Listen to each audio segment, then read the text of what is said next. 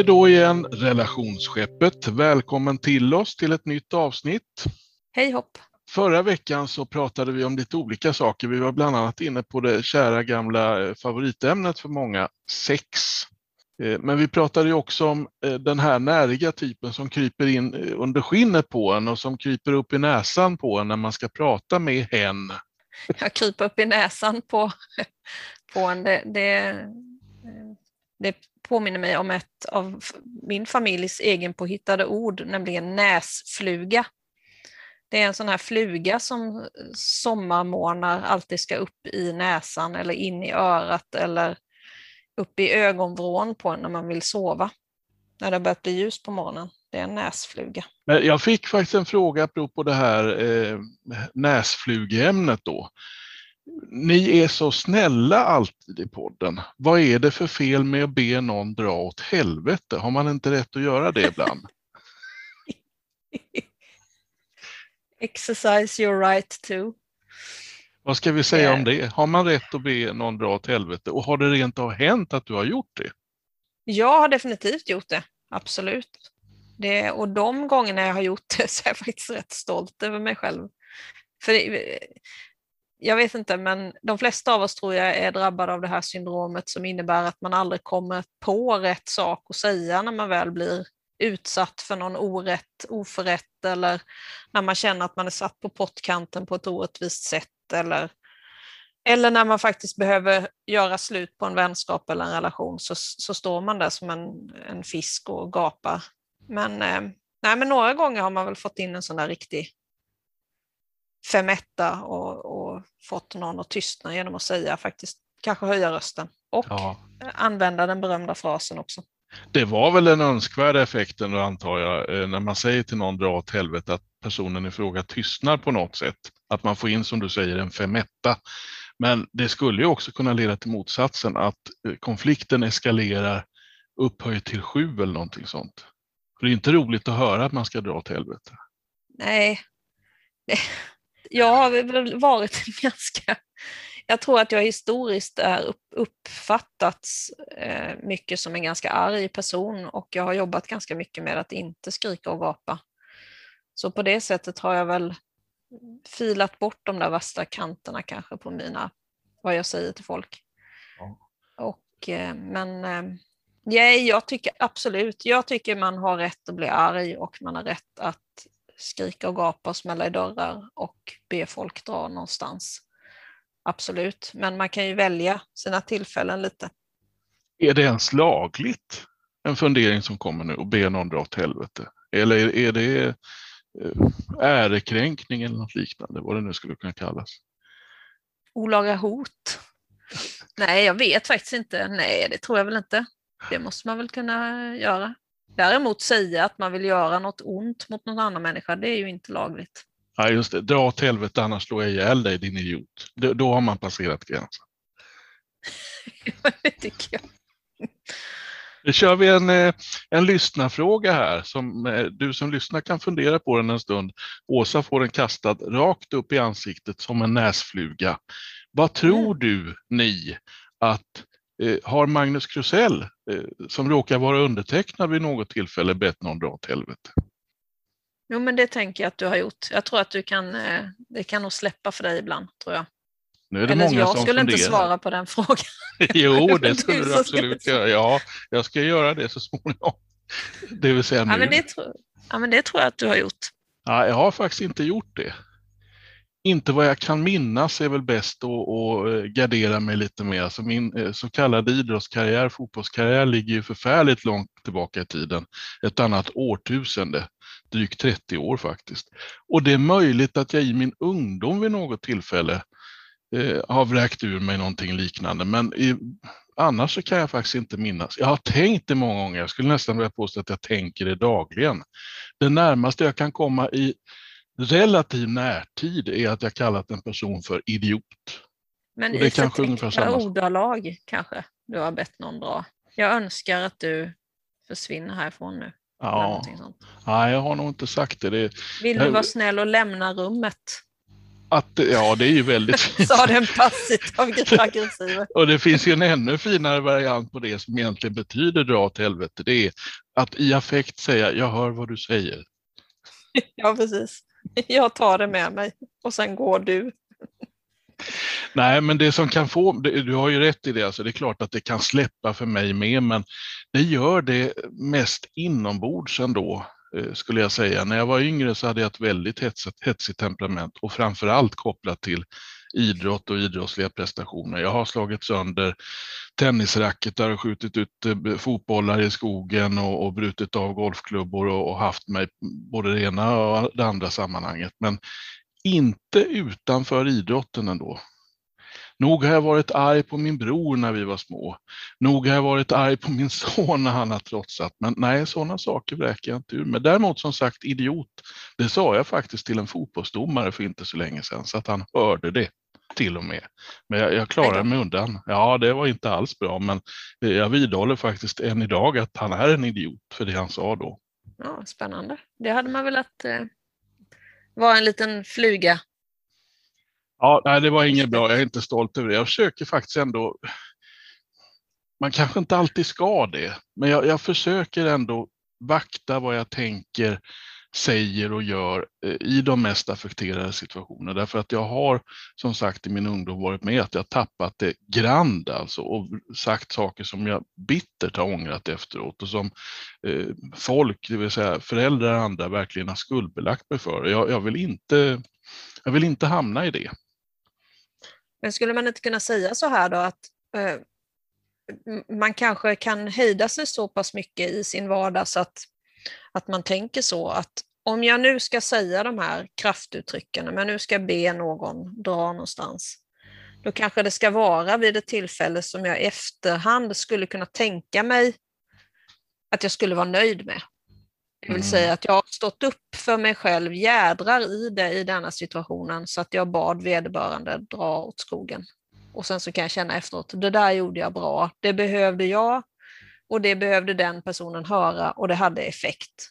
Ja, vad som ligger närmare till hands för mig är egentligen i så fall en dräpande sarkasm av något slag. Därför att jag har ju tränat mig på att formulera mig blixtsnabbt i ögonblicket i många år i radion såklart. Där måste man hantera många olika situationer. Ytterst sällan be någon dra åt helvete kan jag säga inom parentes. Men just det har gjort att jag, jag kan ibland förvånas över i efterhand eh, hur jag hanterar en situation. Att jag väldigt snabbt fann orden och fick ur mig någonting som kanske egentligen är ännu mer förnedrande och dräpande än att be någon dra åt helvete. Fast det är med lite vackrare ord om du förstår vad jag menar. Mm. Jo, jag förstår precis. Det är frågan om liksom, ibland behöver man ju bli av med folk. och att vara lite sarkastisk eller ironisk eller eh, dräpande kanske inte har den effekten. Just när man behöver sätta en jättetydlig gräns mot någon. Nej, det finns ju ett väldigt bra alternativ. Inte att man själv drar åt helvete kanske, men att man helt enkelt reser sig upp och går. Eller lämnar situationen. Ja, vi, vi har ju pratat om det du och jag ganska många gånger att eh, tystnad är också ett svar. Man behöver inte alltid gå i polemik med folk utan att, att eh, på något sätt bli tyst, inte svara, inte gå i polemik, inte gå i affekt, inte höra av sig, blockera ut, stänga av, stänga bort folk på sociala medier eller på andra kontaktvägar. Det är ett nog så effektivt sätt att be någon dra någonstans. Faktiskt. Ja, men det, det, är också, nu talar jag verkligen utifrån mig själv, jag tycker att det är lite taskigt att göra så därför att det, det, det, ligger så långt ifrån mig som jag är som person. Hellre då att jag säger till personen att jag inte vill ha någonting med henne att göra. Eller mm. att jag helt enkelt vill eh, avsluta konversationen om det, om det är på väg att spåra på något sätt. Eller det kan ju faktiskt vara avsluta relationen till och med. Ja, det har ju hänt mig att jag har varit i det läget och då har det liksom inte hjälpt vad, vad jag än har sagt så har det ändå eh, gjorts närmanden på olika sätt och eh, då har jag fått ta till det här ultimata, för det är det ju faktiskt att när man har sagt upprepande gånger att den här kontakten vill inte jag ha. Det, det, det liksom, för mig är det här, det är helt respektlöst att du hör av dig hela tiden. Jag, jag vill inte för mig är det här över, jag vill inte höra av dig. Men personen i fråga hör av sig upprepade gånger ändå. Eh, då har jag faktiskt fått göra så ett par, vid ett par tillfällen att jag har fått liksom blockera ut, stänga bort, blockera telefonnummer och blockera e-postadresser och, och så vidare. Ja, jo det har hänt och det händer också. Folk som påstår saker om mig på sociala medier hanterar jag på det sättet. De är blockade, alltså påstår elaka saker, falska saker, saker som är helt tagna ur luften. Det har jag refererat till tror jag i något tidigare poddavsnitt. Sådana människor har ingenting i mitt liv att göra. Det finns ingenting för dem att hämta och jag är totalt ointresserad av någon form av kontakt snedstreck relation med dem. Ja, livet och relationerna i livet kan ta många märkliga vägar och vi tänkte faktiskt idag att vi skulle ge oss in på en av de knepigaste, men som absolut inte är så ovanlig som man kanske i förstone tror. Den relationen, eller idag pratar vi om kärleksrelationen skulle jag vilja säga, som eh, med tiden gör ont. En kärleksrelation som förvandlas efter, ja, vanligtvis kanske något år eller två i varje fall och blir någonting helt annat. En relation som förändras från kärlek, ömhet, eh, gemenskap, en känsla av vi till en tillvaro av kränkningar, kontroll, förolämpningar, iskyla, utfrysning och mycket annat. Och vi vill väl också poängtera i det här ämnet att det här drabbar ju inte bara kvinnor som är tillsammans med män, utan det kan eh, för all del drabba män som är tillsammans med män och män som är tillsammans med kvinnor och kvinnor som är tillsammans med kvinnor. Så att eh, det här finns väl egentligen ingen, inga könsperspektiv på det här mer än att det som uppmärksammas i samhället är ju det faktum att mäns kontroll och mäns våldsutövande i relationer eh, till större del utmynnar i fysiskt våld och eh, i värsta fall mord och dråp än vad det gör när det är kvinnor som är i den så att säga maktpositionen i relationen. Mm. Och förklaringen bakom det, bara för att för ett ögonblick uppehålla sig just kring den delen av det hela, så är det ju eh, generellt sett svårare för kvinnor att kontrollera man, mannen med våld än vad det är omvänt så att säga. Alltså mannen har ju en generellt sett återigen vanligtvis en, en, fysisk överlägsenhet i förhållande till kvinnan. Så kanske ska vi bestämma oss för att just i det här avsnittet, det vi pratar om idag, så handlar det inte i huvudsak om, om det fysiska våldet, det som syns i form av blåmärken och brutna armar och allt vad hemskt det nu kan vara. Utan här handlar det mer om en typ av psykiskt våld som inte syns, men som sätter djupa spår och sår och är djupt in i själen hos den som drabbas. Ja, det, det verbala våldet kan ju vara nog så otäckt och hotfullt och förminskande. Ehm, jag vet att vid något tillfälle så hörde jag, jag tror att det var ett radioprogram där, där ehm, den som blev intervjuad fick liksom på något sätt välja mellan fysiskt och psykiskt våld och eh, då tyckte vederbörande att, att det nästan var bättre att få stryk än att få bli psykad för att det är så fruktansvärt nedbrytande att, ehm, att bli utsatt och förminskad och ned, rackad ner på så att säga. Eh, att det, det kan åtminstone vara minst lika illa som fysiskt våld. Mm.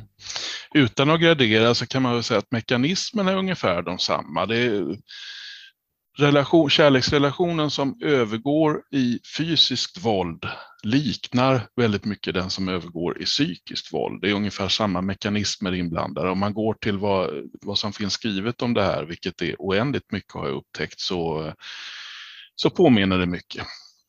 Och vad det tycks börja med i de flesta fall är en eh, passionerad kärlek, en intensiv kärlek, någonting som i princip exploderar i ansiktet på de inblandade. Som, ja, den här relationen som bara känns så vansinnigt rätt från dag ett och där man snabbt kastas in i en tillvaro där det är vi mot världen. Det är du och jag, alltid. all vaken tid, all sovande tid, dygnet runt. Vi vill vara med varandra precis hela tiden och göra allt tillsammans. Och så ska det vara i all oändlighet.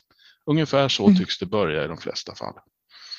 Ja, och det här eh, det har man ju hört ända sedan man var ung, den här eh, bilden av att man, man går upp så mycket i varandra, att alla vänner försvinner och att alla sociala sammanhang där man förut brukade synas på varsitt håll, där har bägge försvunnit och man ägnar sig bara åt varandra. Och det är väl en naturlig fas i förälskelsen, den tycker jag kanske inte att man ska vara vara rädd för, men det finns ju andra tecken på att eh, våldsamheter kan komma att komma och det är ju just det här att man börjar kontrollera varandra i, i var, var är du nu och vilka är du med nu och varför ser inte jag dig på snapkartan nu när du är iväg över helgen eller varför, ja, varför tar du inte med mig?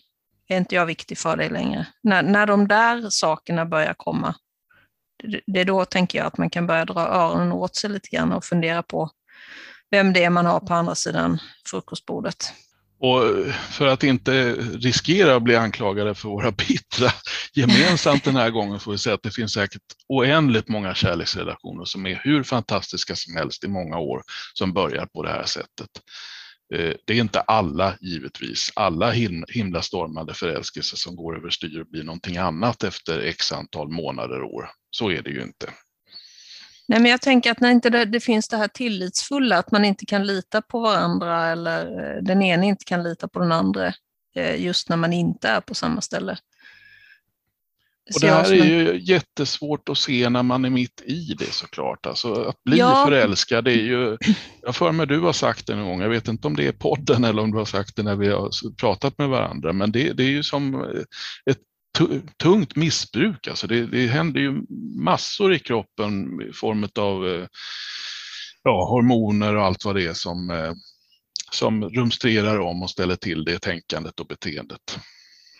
Ja, och rent biologiskt så är ju det, det är ju djuret, människan, som, eh, som kommer fram här verkligen.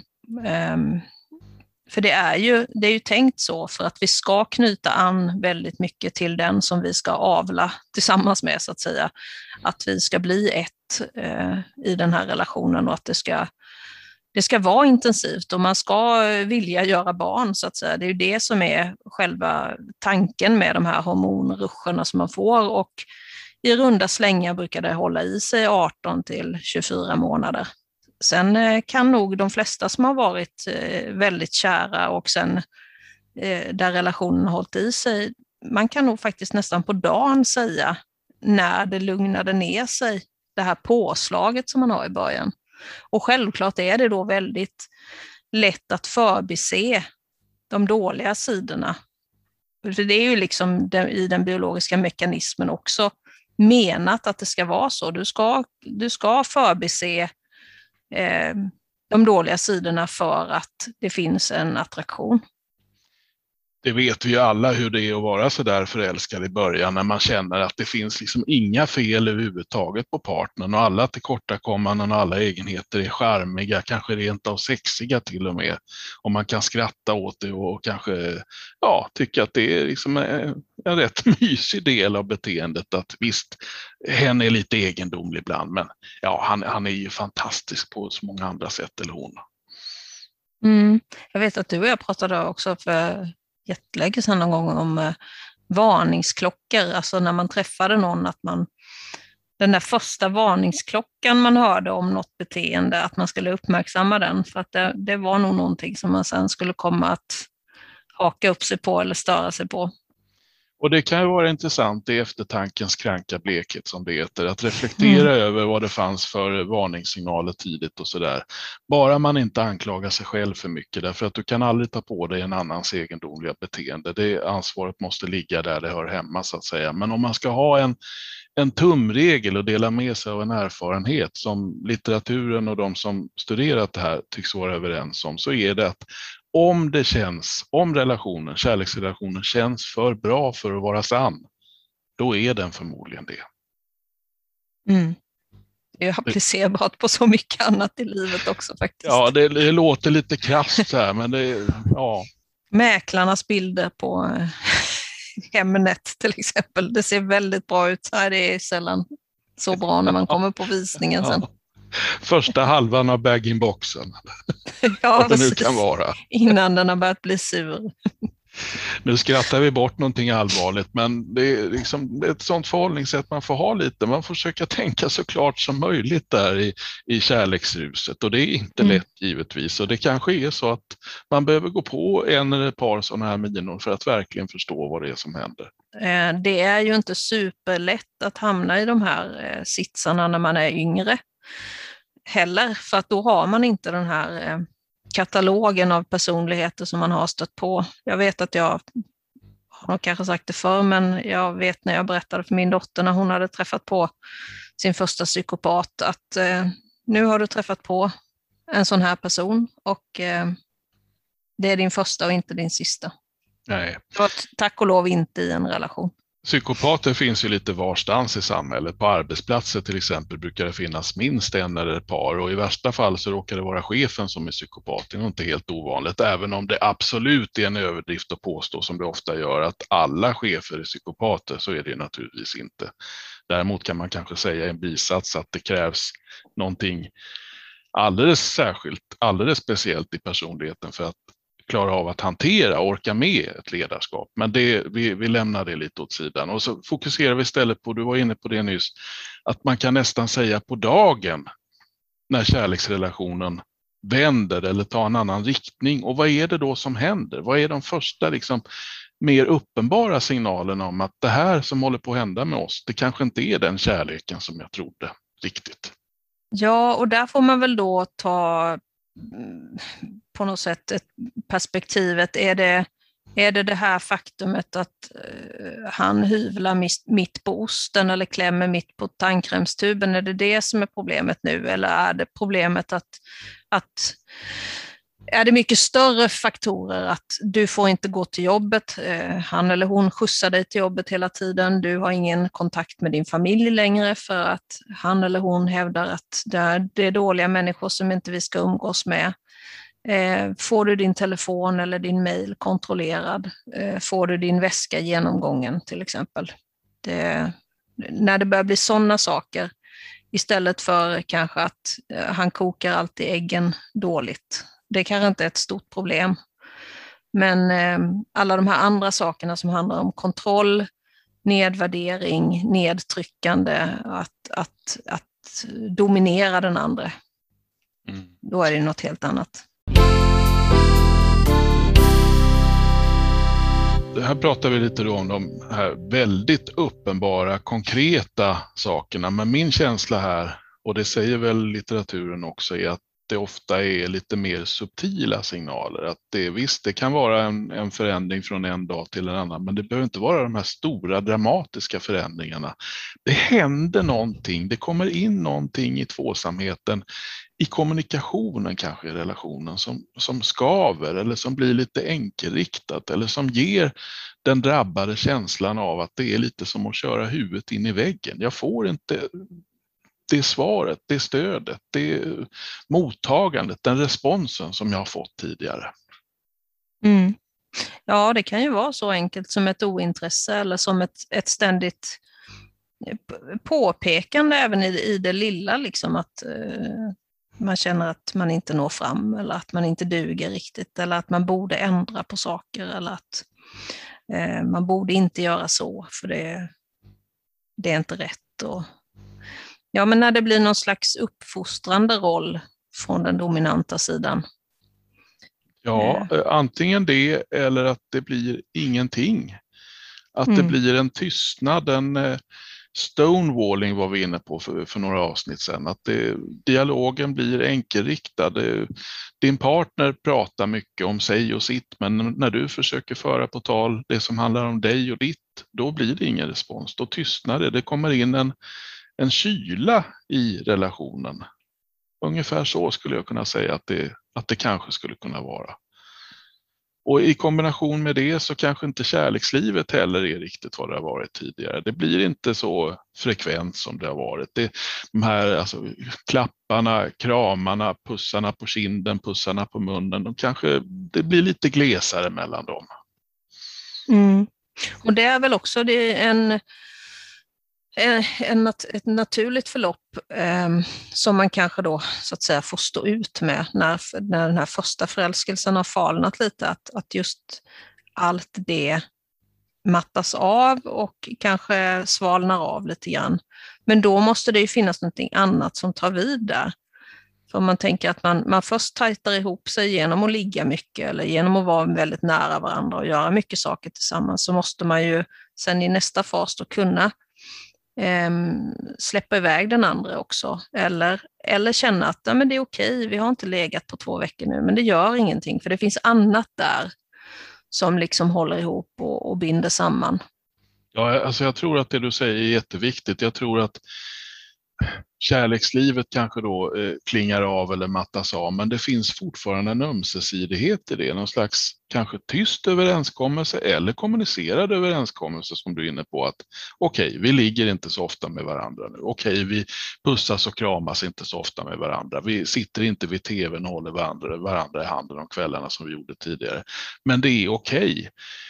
Problemet är tror jag när det från det ena hållet blir så att säga obesvarat när, när någon hela tiden, gång på gång, eller hela tiden, men ofta försöker att få närheten, försöker få en respons i form av en kram eller en puss, men möts av avståndstagande, avvisande, kanske till och med kyla. Mm. Ja, det är, ju, det är ju jättesvårt och det, är ju, det, det blir ju så väldigt personligt det här att man kanske är trött eh, några veckor och inte orkar prata så mycket vid middagsbordet eller man inte orkar fråga varenda dag exakt om alla detaljer i den andres eh, arbetsdag eller vad det nu kan vara, så är det, blir det ju väldigt personligt när antingen eh, sexet tunnas ut eller liksom inte, inte finns alls. Det är ju det, det, kan ju vara väldigt svårt att...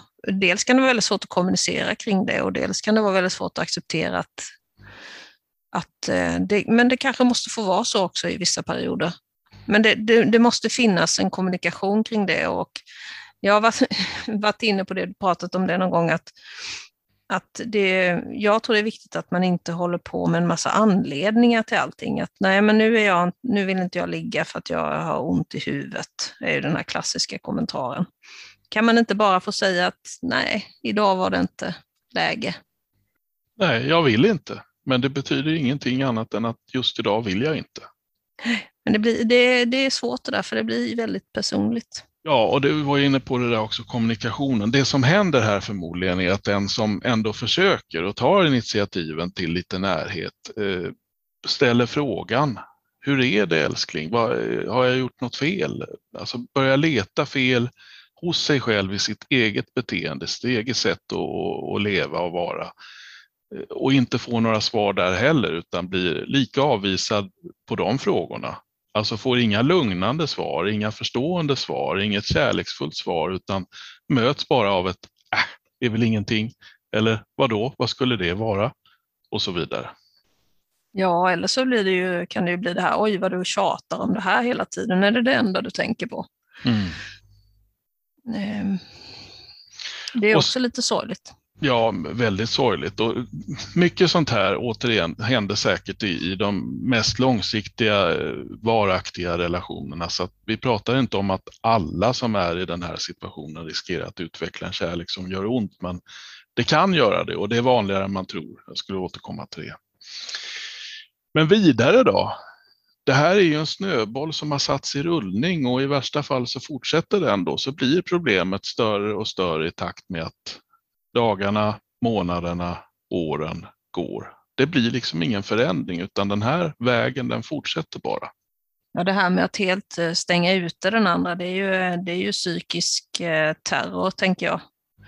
Det är ju eh, när man blir helt utestängd eller man blir ignorerad eller man blir ifrågasatt. Det är ju det är väldigt nedbrytande. Jag har varit i en, i en sån relation där man där ingenting jag gjorde var rätt till slut. Alltså jag kunde inte, jag kunde varken hjälpa eller skälpa eller eh, prata. Jag kunde inte, det var ingenting som jag försökte kommunicera kom fram på rätt sätt.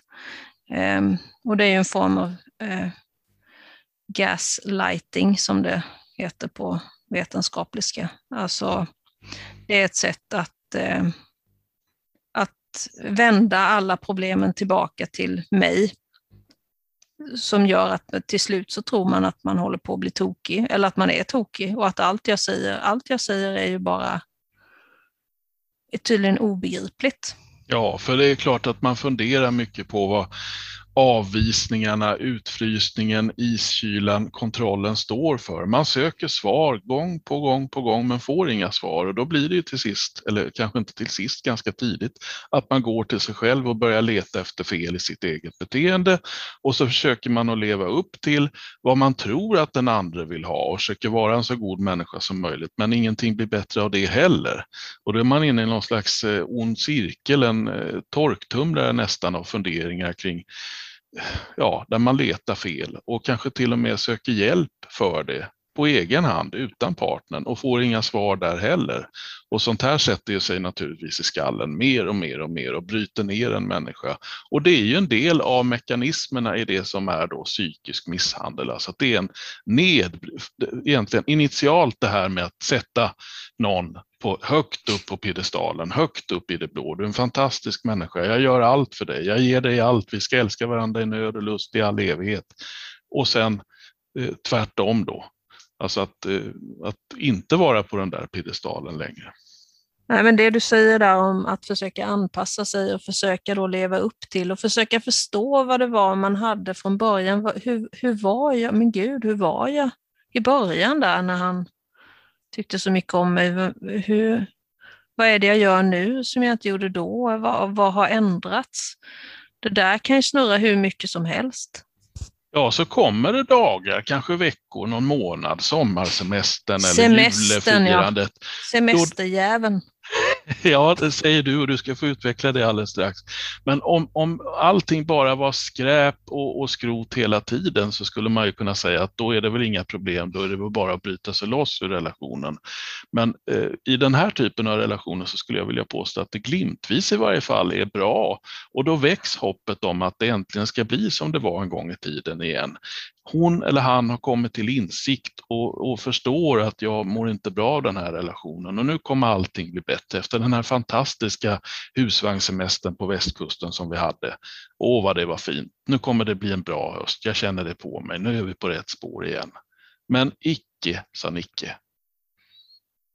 Jag, kom ju, jag, det, jag fick en insikt här nu att det kanske är därför jag tycker att semestrar är så eh, jobbiga. De, de, blir alltid så, eh, eller blir alltid så, men det, det, har historiskt varit så att det är så mycket som står på spel då.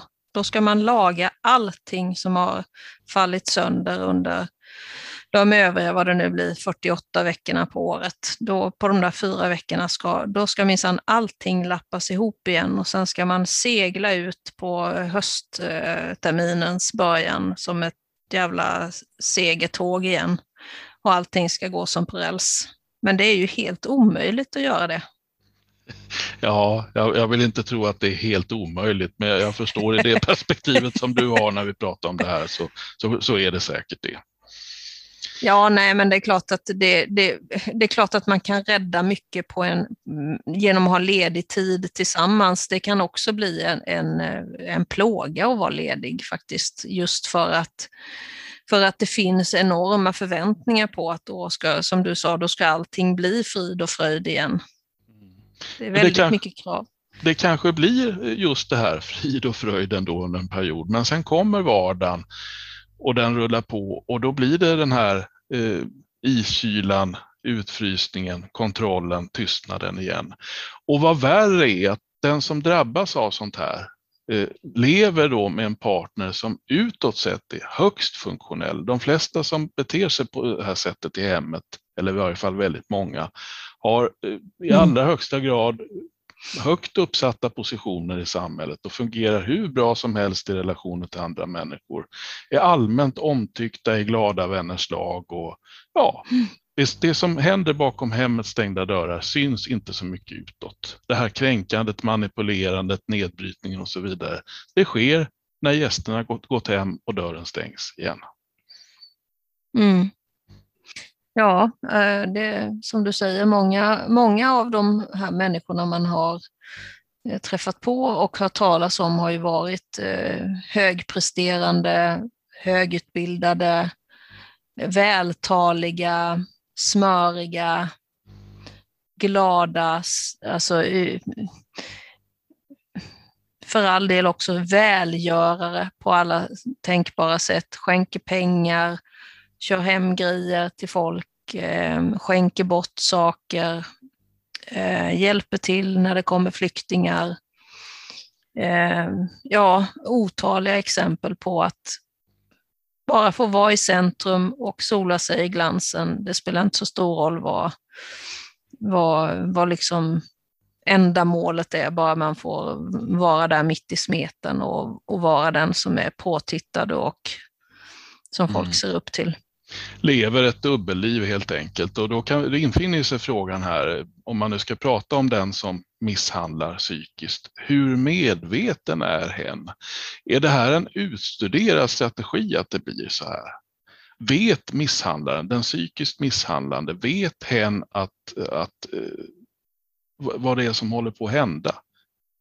Inte alltid tror jag inte. Jag tror inte alltid att det är utstuderat. Jag tror att det kan vara väldigt eh, ofta ett ärvt beteende, att man själv har haft det så här när man har växt upp och man tror att det är det som är det normala, att man ska kontrollera en annan människa eller sin partner. Det har man sett hemma, att det var så. Men, men i, till viss mån så finns ju också de här ytterlighetspersonerna som, eh, där det faktiskt är, eh, där det borde vara en diagnos, tänker jag.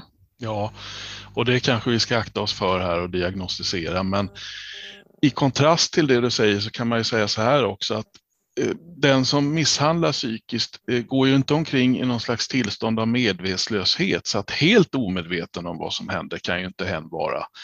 Men eh, det man kan säga är att den som gör så här och beter sig på det här sättet är världsmästare på att rättfärdiga sina handlingar inför sig själv.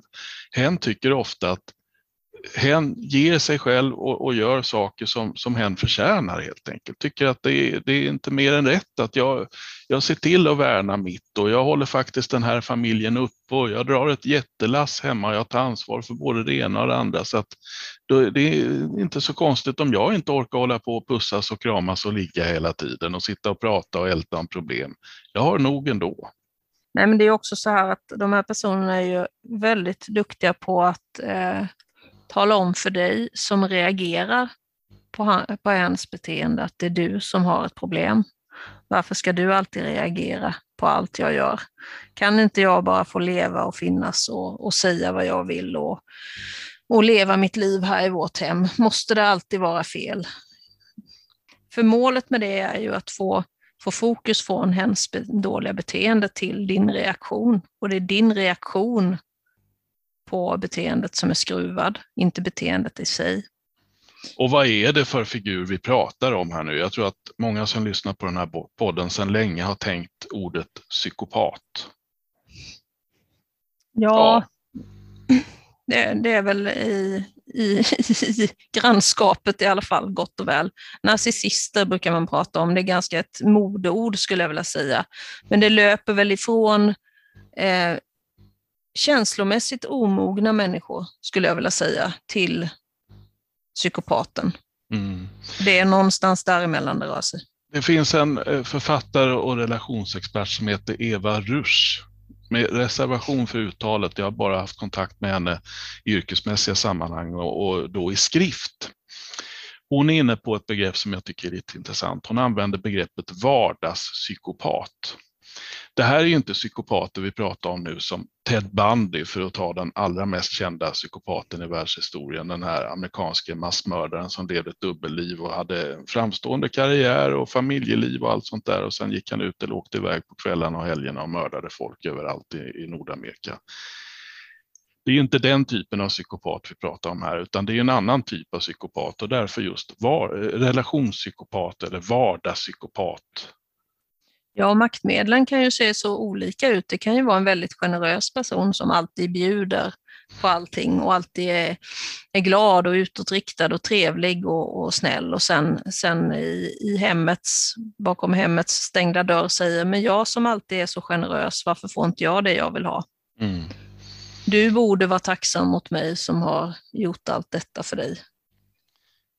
Jag undrar om det inte finns ett väldigt stort tomrum, ett mörker i eh, den här typen av människor. Ett tomrum som eh, ja, de försöker fylla med någonting annat, som, eller egentligen fly bort från. Fly bort från sig själva, fly från sina egna tankar, sina egna tvivel, sin egen oro, sin egen ångest och projicera det, alltså lägger över det på omgivningen med de här, den här typen av uttryck som vi pratar om nu, alltså kontroll och utfrysning och liknande.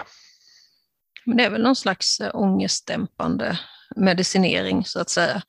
Att, eh, att hela tiden ha, ha koll på. Det är väl lite som det där som eh, jag tror att alla har gått igenom någon period i livet, att när man var liten att man räknade trappsteg och man tänkte att eh, om jag bara hinner räkna de här trappstegen färdigt innan eh, någon kommer hem och smäller igen dörren till exempel, då kommer jag att vinna på på eh, scouternas lotteri, eller vad det nu kan vara. Alltså att man hade någon så här tvångstankar kring beteende. Eh. Det kan man ju tycka nu när man lyssnar på oss, ja men om det är så eländigt i relationen, bryt dig loss då, gör slut, begär skilsmässa, ta dig därifrån. Och visst, det skulle vi kunna säga, det är det bästa rådet. Om du känner igen dig i någonting av det här vi pratar om och tror dig leva i den typen av relation, försök att lämna den. Men det är inte så lätt. Ja, men det tycker jag absolut att vi ska säga rakt ut och eh, med all önskvärd tydlighet. Om du har de här signalerna i din relation så packa ihop ditt och gå därifrån. Det finns hjälp att få, det finns eh, eh kvinnojourer, det finns eh, ställen där, dit man kan ta sig och få hjälp. Det, det finns en möjlighet att lämna mm, och den ska man ta. Även för inte... män såklart som känner igen ja, sig där. Nu är det inte kvinnojouren kanske primärt, men det finns andra stödinsatser i samhället. Terapeuter som är specialinriktade på relationer och så vidare. Mm.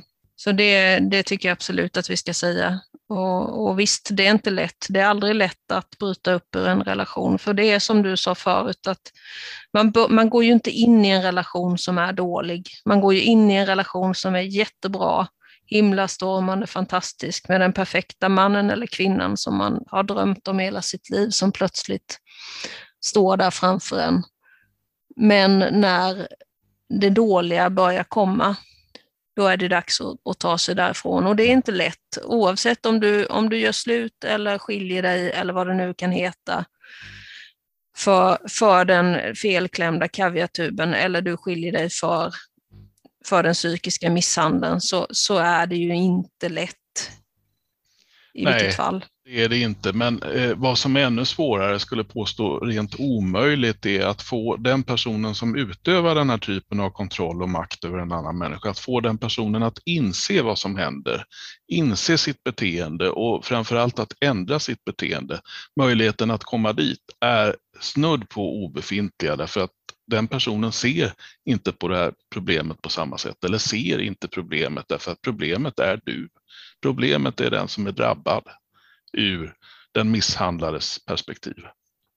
Ja, exakt. Det är ju du som, som försöker lyfta den här personen och hjälpa den här personen och vara den här personen till lags. Eh, det är ju För... du som är problemet i hans eller hennes ögon. En psykopat kommer aldrig söka sig till en psykolog eller en terapeut och, och be om hjälp och ta itu med sin psykopati därför att det ingår liksom i sjukdomsbilden att självbilden är en helt annan. Det är ofta en grandios självbild, en bild av att jag är en fantastisk varelse, en utsedd person med all makt och kontroll och så vidare. Det är inga fel på mm. mig, alla fel ligger på omgivningen. Ja, exakt. Vad vi inte har nämnt överhuvudtaget nu, men som säkerligen är, förekommande i de allra flesta fall, är faktiskt att det kan finnas barn med i bilden också. Var finns barnen i den här eh, relationen? Den psykiskt misshandlande relationen? Barn har ju väldigt stor antenn, brukar jag uttrycka det som. De känner av och läser av. Redan små bebisar känner av obehaglig stämning och kan börja gråta för till synes ingenting. Eller för en höjd röst eller för en höjd hand. Um, så att eh, det här vi, att stanna tillsammans för barnens skull kan vi ju direkt ta bort och glömma i den här situationen, för det, det är ju inte relevant överhuvudtaget. Barnen har redan snappat upp all skit, de har snappat upp vem som mår dåligt och vem som förtrycker. Och ofta är ju barnen förtryckta också. Ja, barnen är ju relationens seismologer kan man säga. De känner ju av det här verkligen. Oh ja. Men det är inte så säkert att de har eh, exakt koll på vad det är som är fel, utan det kan vara bara en känsla av att det, det stämmer inte och så mm. kommer det till uttryck i form av dåligt mående, ångest, kanske utåtagerande beteende och så vidare. Dåliga betyg, ätstörningar, självskadebeteende, eh, kontrollerande av kompisar, kontrollerande av pojk och flickvänner.